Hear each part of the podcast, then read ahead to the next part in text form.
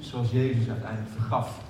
Vergeving is een ongelooflijk belangrijk onderwerp. Heel veel mensen komen uiteindelijk niet in de droom van God, in het plan van God terecht, omdat ze die vergeving niet goed hanteren. Ik heb er ooit een boek over geschreven, Droom en Uitvoering. Ontdek Gods unieke plan voor jouw leven. Er zijn vijf gebieden die je in leven moet ontwikkelen, die belangrijk zijn. En daar valt onder andere onder afrekening met je verleden. En daar speelt vergeving een hele belangrijke rol in. En heel veel mensen komen niet op een bestemming omdat ze het uiteindelijk niet goed hanteren. Ik heb het zelf ook meegemaakt in mijn leven. Dat het moment was dat ik dacht, het is voorbij, het is over. Er was bitterheid in mijn hart, er was boosheid, ik was mijn passie was ik kwijt. Ik was zo teleurgesteld in God, ik was teleurgesteld in leiderschap, ik was teleurgesteld in gemeenteleden. En uh, ik, heb, ik heb voor het aangezicht van God in april 2010, heb ik alle profetieën die over mij ooit uitgesproken waren, die spraken over mijn plek in het land, over vaderschap, over het leiden van een leidersnetwerk, dat ik een brugfunctie zou zijn tussen de charismatische en de kerkelijke wereld. Allemaal prachtige profetieën, dat ik boeken zou schrijven. Ik had er nog geen één geschreven. Ik heb al die profetieën huilend verbrand voor het aangezicht van God. En waarom? Ik had een probleem met vergeving uiteindelijk. En een maand later kwam die sleutel opnieuw naar toe, die ik natuurlijk wel wist. En jullie weten ook hoe belangrijk de sleutel van vergeving is. En het gaf een enorme doorbraak, waardoor ik hier nog steeds sta, zoveel jaar later. En nu wel twaalf boeken heb geschreven. En inderdaad een leidersnetwerk heb opgericht. Een vader in het land mag zijn. En een brugfunctie mag hebben tussen de charismatische kerkelijke wereld. Maar dat had ook allemaal niet kunnen gebeuren als ik niet die sleutel van vergeving had gehanteerd. Nou, dit boek is uh, te verkrijgen ook. En als je daar geen geld hebt, dan mag je hem gratis meenemen. Ik heb een boekentafel, ik heb ook een pinapparaat. Als je zegt, Jan, uh, ik wil jou zegenen dat jij een andere mensen boeken kunt weggeven. Ik koop er eentje, maar ik betaal er twee, mag het ook. Voel je vrij daarin. Alle kanten mag je op. Uh, daar ligt ook een splinternieuw boek. Die heb ik zaterdag uh, of vrijdag gekregen. Onvoorstelbare genade. Dat is een heruitgave van een boek wat ik een jaar of acht geleden geschreven heb. Door Kok Boekencentrum uitgegeven. Daar ben ik ontzettend blij mee dat hij in de heruitgave is. Omdat ik denk dat het een van de belangrijkste boeken is die ik ooit geschreven heb. Onvoorstelbare genade. Daar heb ik er maar negen van, van mee. Die kreeg ik opgestuurd. Dus bij deze. Goed, er komt de tekst. Colossense 3 vers 12 tot en met 14. Vergeven zoals Jezus deed. Kleed u zich dan als uitverkoren van God, heiligen en geliefden, met innige gevoelens van ontferming, vriendelijkheid, nederigheid, zachtmoedigheid en geduld. Verdraag elkander en vergeef de een de ander als iemand tegen iemand anders een klacht heeft. En dan komt het. Zoals ook Christus u vergeven heeft, zo moet ook u doen. Er staat er ook nog bij, kleed u zich boven alles met de liefde die de band van de volmaaktheid is. Uh, ik ben een liefhebber van kranten. Ik lees uh, elke dag drie kranten en op zaterdag lees ik er vijf. Een beetje een tik van me, maar ik ben een krantenlezer. En uh, waarom? Ik wil graag op de hoogte blijven wat er gebeurt in deze wereld, van het nieuws. Uh, ik ben een, spreker die vaak geïnspireerd wordt door hetgene wat ik omheen zie gebeuren. En ik denk dat ik een goed voorbeeld heb. Jezus sprak ook vaak over dingen die hij om zich heen zag gebeuren. En niet zozeer van een bijbeltekst die ik in een pak en helemaal uitkleed. Nou, ik ben getroffen door de tijd waarin we leven. En daar ben je natuurlijk zelf ook niet aan ontkomen. En de kranten hebben er vol van gestaan. Ik heb gewoon eens een aantal koppen opgeschreven die ik de afgelopen weken heb voorbij zien gaan. In het Haarlems Dagblad, wat ik ook lees, stond ik kom met Halen, stond een artikel met een grote kop. Grimmige polarisatie. Coronapas, een tweesnijdend zwaard in de samenleving. Nou, in het artikel werden twee psychiaters werden geïnterviewd. En een van de psychiaters die vertelde dat uh, in zijn vriendenkring, hij zegt we, we trekken al 25 jaar met elkaar op vanaf de studietijd, een hechte groep. En hij gebruikt letterlijk deze woorden. Die trouwe vriendengroep, hij zegt, die is, uit, die is uiteengespleten op dit moment.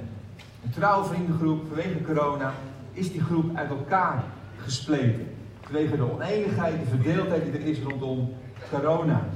Vorige week in het Algemeen Dagblad een groot artikel met de kop: Mijn toekomst wordt afgepakt waar ik bij sta. Klimaatcrisis, wooncrisis, identiteitscrisis, jongeren van nu hebben ook erg veel op een bordje. Ik lees letterlijk voor wat er stond. Ze voelen twijfels en woede. Jesse zegt in het artikel: Ik word steeds bozer. En de journalist noemt, hem, noemt haar klimaatwoedend. Er is een geweldige, grote polarisatie gaande in de maatschappij. Maar gelukkig niet onder christenen. Toch? Ga je heel anders. Wij hebben daar met elkaar geen last van. Bij ons zit er een geweldig mooi klimaat van liefde.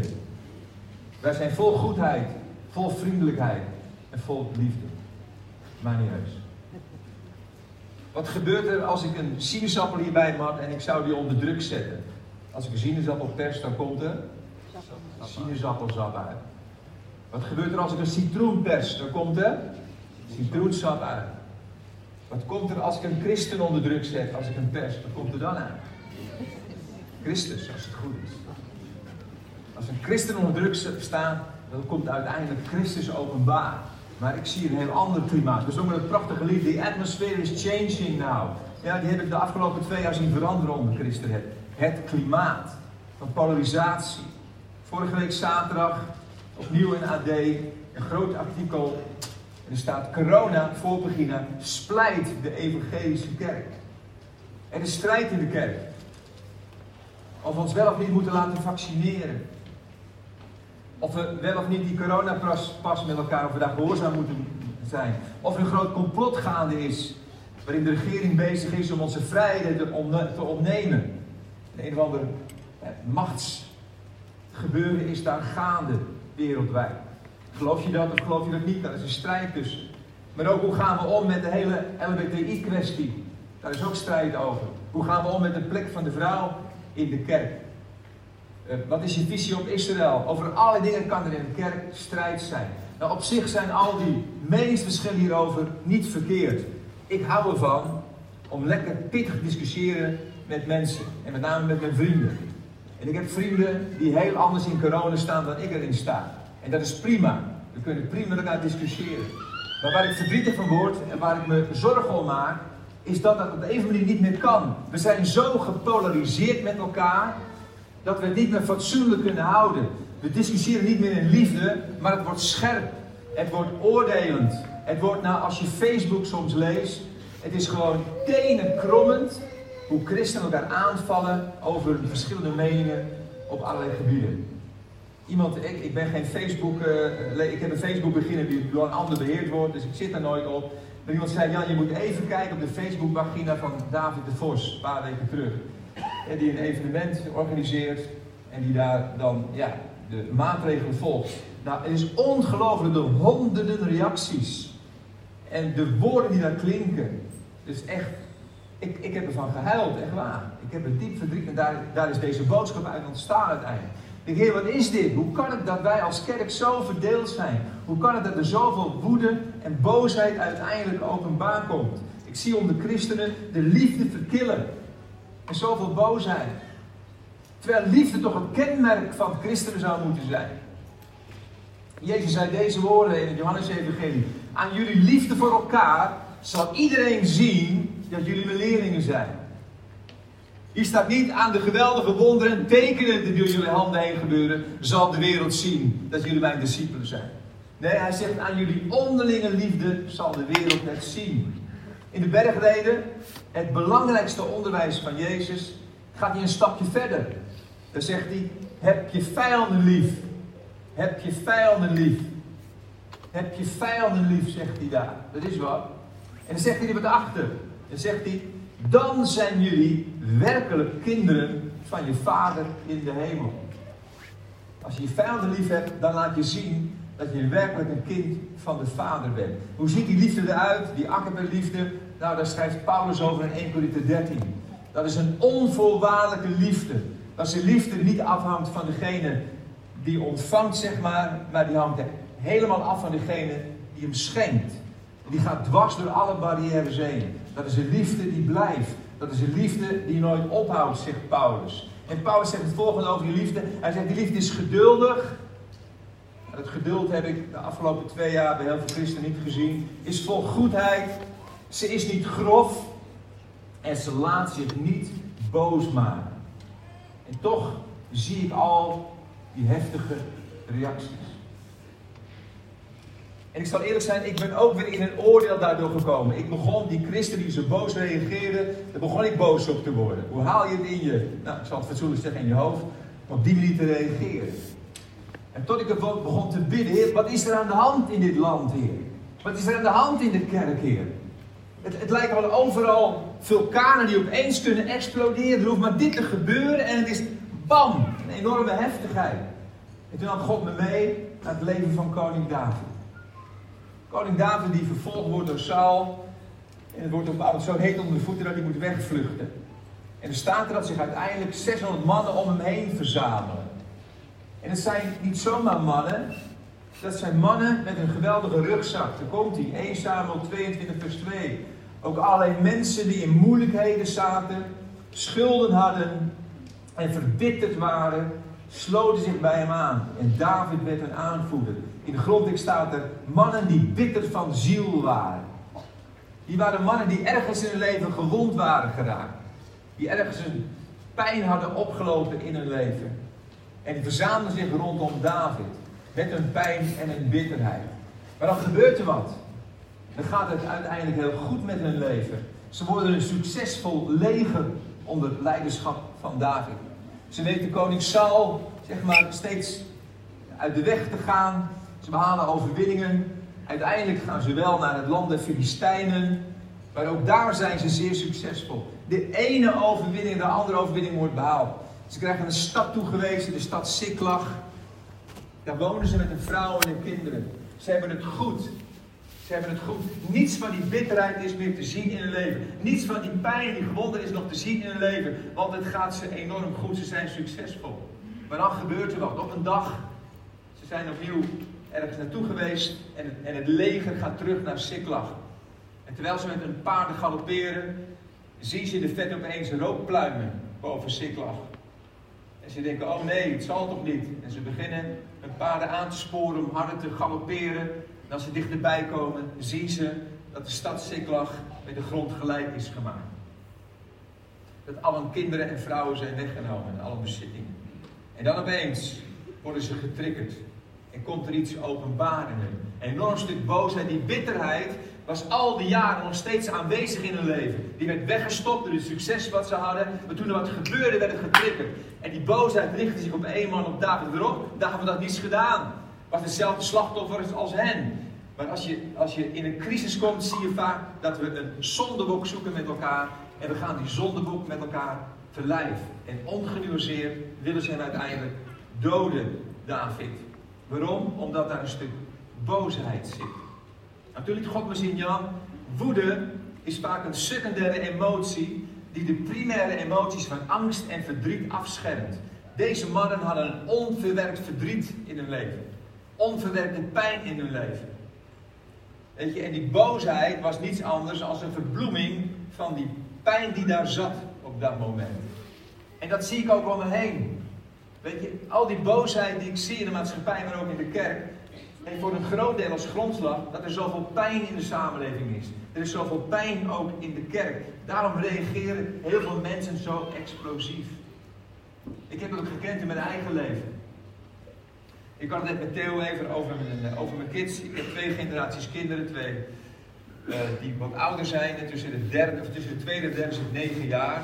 En bij de eerste twee ja, was ik nou niet bepaald uh, al een voorbeeldvader. Daar heb ik wel mijn fouten gemaakt. Ik heb mijn herkansing gekregen bij de twee volgende kinderen. Maar die eerste twee, die hebben nog een andere vader gezien. Ik ben normaal gesproken een hele rustige man. Ik ben een vriendelijke man. Ik ben een bemiddelijke man. Uh, ik ben een man die, die nooit zomaar opeens iets raars doet of raars zegt. Maar zo af en toe kon het gebeuren in het gezin dat er iets gebeurde waardoor er zo'n enorme boosheid openbaar kwam in mijn leven. En mijn, die twee kinderen weten dat nog. Die momenten zijn ze niet vergeten. Mijn dochter Naomi memoreerde me laatst aan het ene moment. We zitten in de woonkamer, ik moet even bijzetten, betonnen vloer met zeil erop. Betonnen vloer. Is hard, een betonnen vloer. Mijn vrouw en ik zitten te praten met elkaar. Bart en Naomi zitten te spelen, kleuters. En Marijk zegt iets. En iets wat ze zegt wordt er iets in mij getriggerd. En het was een explosie van boosheid. Ik had een kopje vol koffie in mijn handen.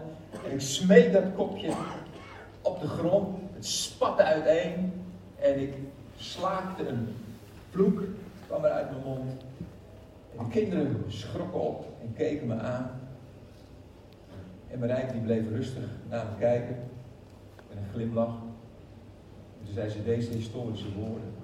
Liever, ruim je het straks zelf op. Waar kwam die boosheid vandaan? Oh. Waar kwam die, die pijn die daar zat vandaan? Marijke triggerde iets. Waardoor ik iets van afwijzing in mijn leven. Ik ben op mijn elfde seksueel misbruikt. Het heeft grote littekens in mijn leven achtergelaten. En op mijn 16 heeft een vriend van me, in dronken bui, me ook geprobeerd te verkrachten. En het heeft littekens achtergelaten in mijn leven, uiteindelijk. En ik heb ervoor gekozen om me terug te trekken, om stil te worden. Stille persoon, straks kom ik daar nog even op terug. En het weg te stoppen. Pas laat in mijn huwelijk heb ik rijk verteld als eerste in mijn leven over het seksueel misbruik. Maar het zat daar al die jaren. En soms ging het goed. Soms ging het jaren goed. Maar opeens kon er iets gebeuren. Waardoor een explosie van woede uit mijn leven openbaar kwam. En dat zagen we ook met deze mannen. Ze reageerden zo fel en explosief vanwege de pijn die daar nog steeds zat. En dat zie ik ook om me heen bij zoveel christenen. Ik denk, jongens, wat moet er een pijn zitten nog in de kerk, dat op die manier zo heftig, zo explosief op elkaar reageren. Nou, we lopen allemaal kwetsuur op in ons leven. Er zijn talloze situaties, zijn er denkbaar, waarin jij pijn oploopt. En het begint vaak al in het gezin. Je wil niet weten wat er in het gezin kan gebeuren. Ik heb 15 jaar lang lesgegeven op een DTS, Heidebeek, over het vaderhart van God. En daar is zo ongelooflijk veel pijn losgekomen. Jonge mensen die uit keurige christelijke gezinnen kwamen, overschijnlijk keurige christelijke gezinnen, waar in het gezin zoveel gebeurd was, waar zoveel pijn was. Dat kan in het gezin nog plaatsvinden. Maar ook buiten het gezin later. En je kunt gepest zijn op school. En nog weer later kunnen er dingen gebeurd zijn in je leven. Die, die jou verwonden. Ja, die jou pijn doen. En dan kies je ervoor om iets met die pijn te doen, zullen we straks zien. En die keuze heeft vaak grote gevolgen uiteindelijk in je leven. Misschien heb jij kort geleden nog wel dingen meegemaakt die jou pijn hebben gedaan. Misschien heeft je partner wel dingen gedaan of dingen gezegd die jou ongelooflijk pijn hebben gedaan. Misschien eh, eh, eh, op je werk dat er een promotie voor je eigenlijk klaar lag. Jij zou de persoon worden die die promotie zou krijgen en iemand heeft je wat geflikt letterlijk en je hebt die promotie niet gekregen. Er is jou onrecht aangedaan. We maken het allemaal mee. En we zullen het tot onze dood mee blijven maken. We leven in een onvermaakte wereld waarin mensen ons pijn doen. En daar zullen we mee moeten dealen uiteindelijk. In grote lijnen kunnen mensen die gewond zijn op verschillende manieren reageren. De eerste is de persoon die aan de afwijzing toegeeft, die zich terugtrekt. Dat deed ik altijd in mijn leven. Ja, als mijn pijn gedaan werd, principe, dan was ik degene die zich terugtrok. In stilte, in zelfmedelijden, in isolement, in depressies. Ik werd een stille jongen. Dat ben ik heel lang geweest verlegen, stille jongen, die op die manier zijn pijn probeerde te verwerken. Je hebt een persoon die een masker opzet, die verstopt hun ware gevoelens. Ze spelen voortdurend een rol. Dat zijn die vrolijke figuren die altijd een lolletje maken, maar je ziet in hun ogen dat daar achter die vrolijkheid uiteindelijk toch pijn zit. Mensen die met maskers oplopen. Je hebt de persoon die vlucht, die vlucht in buitensporig excessief bezig zijn met sport, met carrière, met sociaal bezig zijn, goede dingen doen. Op die manier proberen de wond en de pijn in je leven te verdringen door hard te werken, door hard bezig te zijn. En dat kan voor anderen zijn op een hele mooie manier. De vierde persoon die bitter wordt. Dat zijn mensen die een groot bord op hun hart hebben staan, geen toegang. Die hebben zich afgesloten voor iedereen. Niet op de zachte manier zoals ik dan deed, maar op de harde manier. Doe jij mij wat, ik zal jou wat doen. En dit soort mensen zijn eigenlijk voortdurend bezig om andere mensen te verwonden met hun hardheid. Hier is de bitterheid volgroeid. De hardheid heerst eigenlijk over hun leven. Ik heb er nog een vijfde bij gezet. En dat is eigenlijk, die loopt door al die dingen heen. Vaak als die andere vier niet meer helpen, dan zie je de verslaving optreden. De persoon die verslaafd raakt uiteindelijk. Deze mensen vluchten in alcohol, in drugs, in gokken, in gameverslaving, noem het maar op. Weet je dat er in Nederland meer dan 2 miljoen mensen aan iets verslaafd zijn? Meer dan 2 miljoen mensen in Nederland aan iets verslaafd uiteindelijk in hun leven. Dat zijn allemaal pijnstillers. De pijn in je leven te stillen. Nou, al deze reacties zijn manieren, zeg maar, om te dealen met de pijn die is aangedaan. En vaak zie je ook dat mensen van de ene in de andere terechtkomen. Ik maakte het laatst nog mee bij een kapper. Kapper Sjoerd, zal ik het maar even noemen. En dat is zo'n barbier waar ik graag kom, al een aantal jaren. En uh, ik wissel af en toe van kapper en mijn project is altijd om zo'n kapper uiteindelijk bij God te brengen. Ja. En dat is altijd heel leuk, want uh, ja, ik ben nu al wat ouder, maar toen ik wat jonger was, ik ging altijd door de week om een uur of elf uh, naar de kapper toe. En dan kreeg je altijd de vraag, zo meneer, heeft u een vrije dag? Dan zei ik, nou, ja, ik, ik heb een hele goede baas, zei ik tegen hem dan. Oh, wie is uw baas dan? Ja, nou, dat is God. Nou, dan keken natuurlijk al een beetje raar naar me. Ja, ik zeg, ik ben, uh, ik ben predikant. En hij sloeg het altijd dood. Sloeg altijd dood. En dan zei ik, nou, dat ben ik trouwens niet altijd geweest, zei ik dan. Vroeger was ik fysiotherapeut. En ik kreeg altijd de vraag, krijg ik nog altijd. Dat is een hele verandering, hoe kan dat zo? En dan zeg ik, wil je het weten? Dan zeggen ze ja. Ja, dan heb ik ze. Duurt zeker een half uur, dus dan heb ik een half uur tot mijn beschikking. Nou, daar ben ik met Sjoerd ook eens mee begonnen. Sjoerd heeft ook twee van mijn boekjes gelezen. Dus ik ben met Sjoerd al een hele weg. En Sjoerd is de gangmaker van de barbier. Zo'n barbier, weet je, met verschillende stoelen. En hij is een beetje de, de van de zaak. Hij stuurt het aan. En hij is zo'n zo'n jongen die altijd vrolijk is. Ken je dat? Altijd een goed humeur. En dan staat zo'n piano. En dan opeens kan hij achter de piano vliegen. En dan begint hij te zingen. In die, hè, dat is een hele leuke barbier. Je kunt er een whisky pakken. En een, een biertje uit de koelkast. Dat kan allemaal daar. En af en toe gaat hij opnieuw achter de piano. Altijd een vrolijke shoot. Maar achter zijn ogen zie ik de pijn. Altijd. En vier weken terug, ik moest in uh, Mozaïek spreken.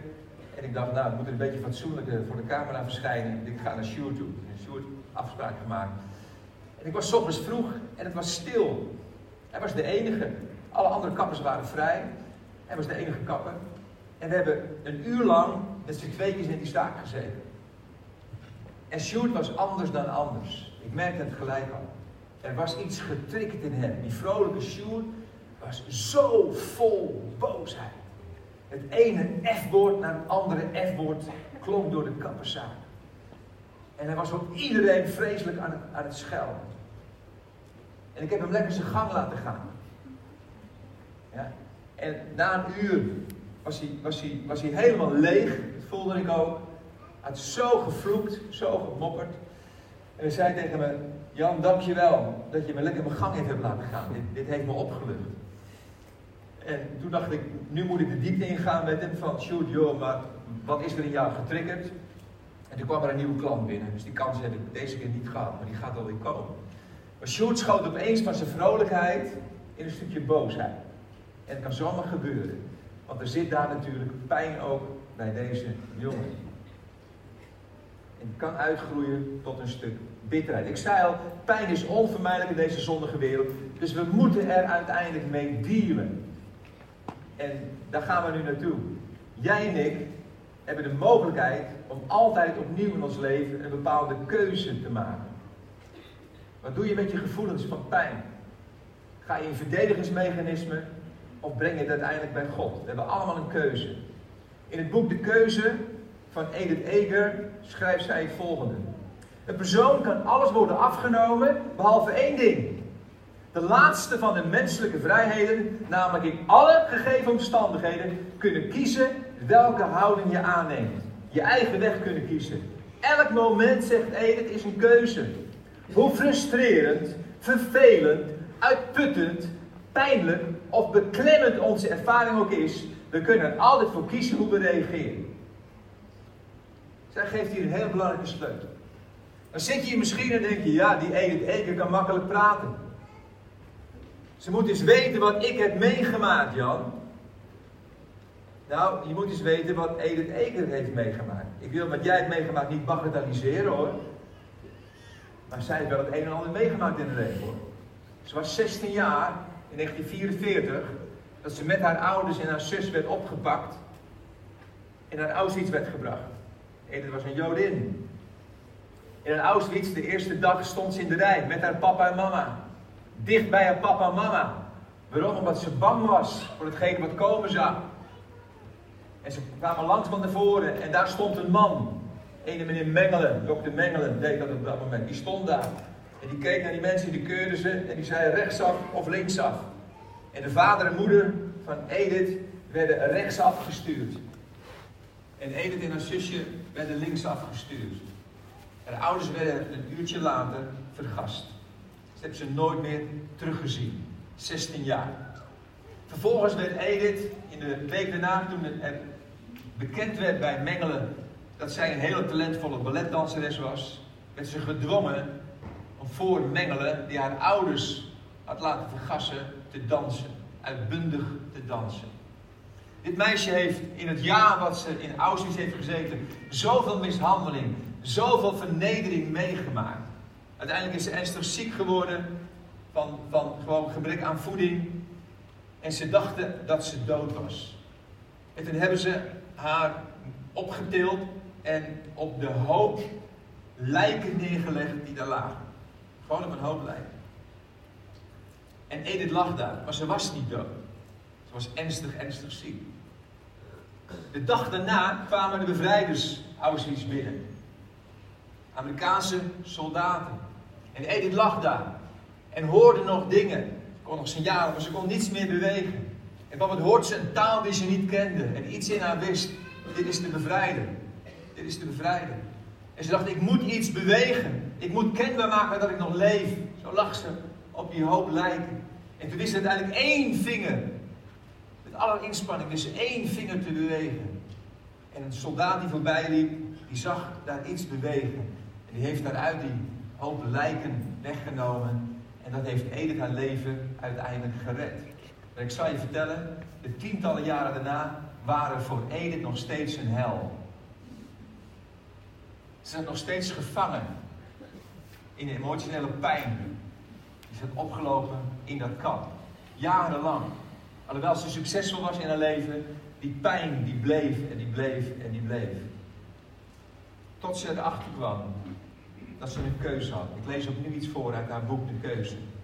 Eindelijk begin ik te begrijpen dat ook ik een keuze heb. Ik kan ervoor kiezen hoe ik reageer op het verleden. En dit besef zal mijn leven veranderen. Dit zeg ik niet, dit zegt, dit zegt Edith, wat ik nu ga voorlezen. Het klinkt bijna hard, maar zij mag het zeggen. Niemand kan van jou een slachtoffer maken. Dat kan alleen jijzelf. We worden niet een slachtoffer door wat er met ons gebeurt, maar doordat we ervoor kiezen om vast te houden aan onze slachtofferrol. En wanneer we kiezen voor deze beperkte denkwijze, worden we onze eigen gevangenisbewaarders. Wow.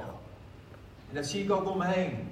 Zoveel mensen die nog gevangen zitten in hun pijnlijke emoties.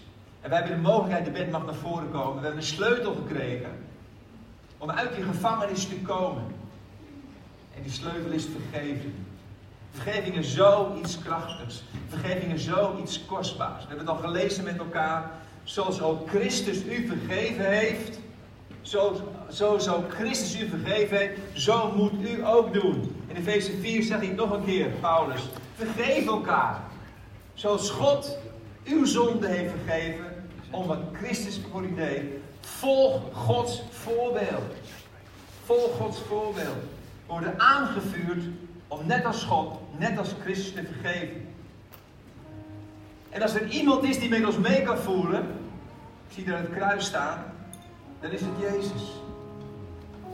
De afwijzing die hij heeft meegemaakt, is ook mensonterend geweest. In de steek gelaten door zijn vrienden. Verraden door een vriend, door Judas met een kus. Gevangen genomen. Vernederd voor Pilatus en Herodes. Uiteindelijk werd er een doek om zijn hoofd getrokken. En met een stok, spreekt Micha over, werd hij geslagen op zijn gelaat. Links en rechts, terwijl ze tegen hem zeiden, profeteer wie er jou slaat. Toen werd die doek weer weggehaald. En hebben ze gewoon zijn baard uitgetrokken. Gewoon gescheurd van zijn huid.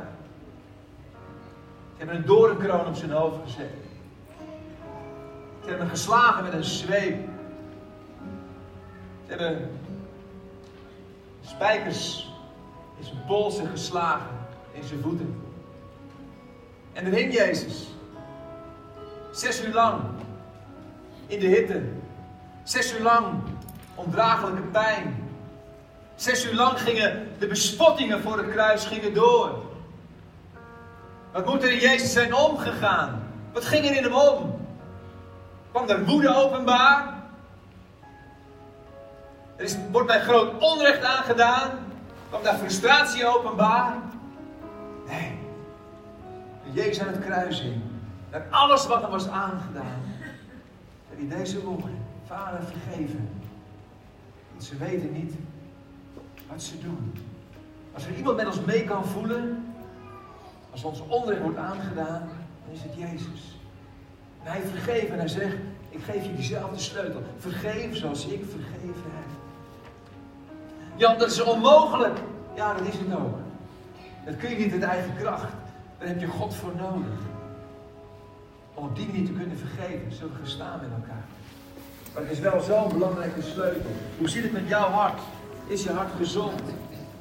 Merk je ergens dat er nog onverwerkt verdriet van binnen zit? Wat komt er in jou openbaar als je in een crisis zit? Wat komt er in jou openbaar als er opeens dingen gebeuren die je in de hand heeft? Wat komt er openbaar? Christus? De vrucht van de geest? Of komt daar iets anders naar boven? Wat uiteindelijk gefundeerd is op de pijn die nog in je hart is. Vandaag zegt God, ik reik je opnieuw die sleutel aan. De sleutel van vergeving. En vergeving is met Gods hulp de pijn loslaten die jou gevangen houdt. Vergeving is niets anders dan de hoop opgeven op een beter verleden. Vergeving is niets anders, nog een keertje, dan de hoop opgeven op een beter verleden. Het verleden wordt namelijk niet beter. Het verleden is niet anders dan het geweest is. Het verleden kun je niet veranderen, je kunt wel je toekomst veranderen. Je kunt wel verzorgen dat jouw toekomst niet meer afhankelijk is van wat er in het verleden gebeurd is. En op die manier kun je zelfs het verleden gaan benutten. Weet je, deze Edith Ege is inmiddels dik in de negentig. Ze is twee jaar terug in Nederland geweest. Prachtig mooi interview van haar gezien. Hele bijzondere vrouw. En deze vrouw is de specialist wereldwijd op het gebied van posttraumatisch trauma Ik, zij is heel bekend, ze heeft heel veel gedaan voor, voor soldaten, Amerikaanse soldaten, die, die posttraumatisch stressdroom hebben opgelopen in oorlogssituaties. Van haar eigen pijn heeft ze uiteindelijk een passie gemaakt. Ja. En ook jij kunt dat. En op die manier kun je je toekomst in bezit nemen. En voor vergeving heb je die ander niet nodig. Die ander hoeft niet naar jou toe te komen om sorry te zeggen. Want als je daarop wacht, dan blijf je je leven lang in de gevangenis van die ander. Je hoeft geen slachtoffer te zijn.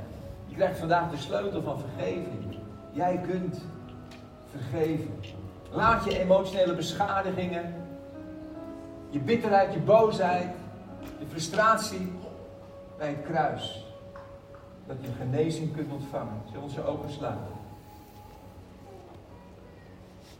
We gaan in hemel willen samen zo bij komen. Heer, we maken allemaal situaties mee in ons leven. Die ons verwonden, die ons pijn doen, Heer. We hebben het allemaal meegemaakt in het verleden en we maken het nog mee. En ik bid op dit moment, Heer, dat mensen in staat zullen zijn om, om deze sleutel van vergeving te pakken. En om degene die hun onrecht heeft aangedaan te vergeven. Heer, zoals ik degene die mij misbruikt heeft moest vergeven. Zoals Edith Eger Mengelen moest vergeven. Heer, zo mogen wij ook de sleutel van vergeving pakken en mensen die ons iets hebben aangedaan vergeven. Of het nou je vader was of je moeder, dat je school gepest bent. Of het was misschien die voorganger, die leerkracht. Misschien je echtgenoot of je echtgenoot.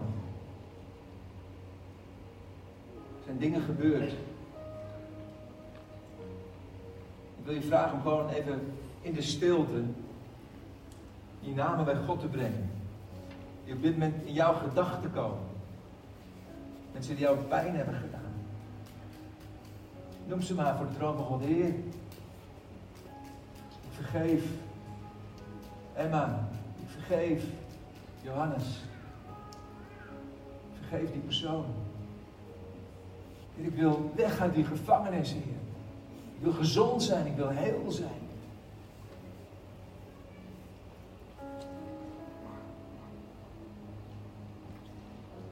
Heilige Geest, kom zo. Je komt met genezende kracht op dit moment. Wil je vragen of je gewoon even de, hand op de schouder van je buurman gewoon neerleggen. Gewoon de hand op je schouder. Maar we willen gewoon in verbondenheid met elkaar staan op dit moment. Als lichaam van Christus, Heer. In uw kerk heeft een stuk genezing nodig. En u liet me zien, Heer, er is zoveel pijn, hier in de kerk. En de kerk heeft genezing nodig. En dat kunnen we voor elkaar betekenen. Ik weet op dit moment, Heer, dat die arm die schouder, dat we het even zullen ervaren als uw arm, Heer. U, u heeft geen andere mond dan de onze. U heeft geen andere ogen dan de onze. Geen andere handen dan de onze. Geen andere schouders dan de onze, Heer. En ik bid op dit moment, Heer, wilt u uw liefde laten stromen door onze armen heen op dit moment. Heer, ik zet zo uw genezende kracht vrij, Heer, ook in dit lichaam. Dat mensen die pijn hebben, genezing zullen ontvangen. Dat bid ik u zo. In Jezus' naam. Amen.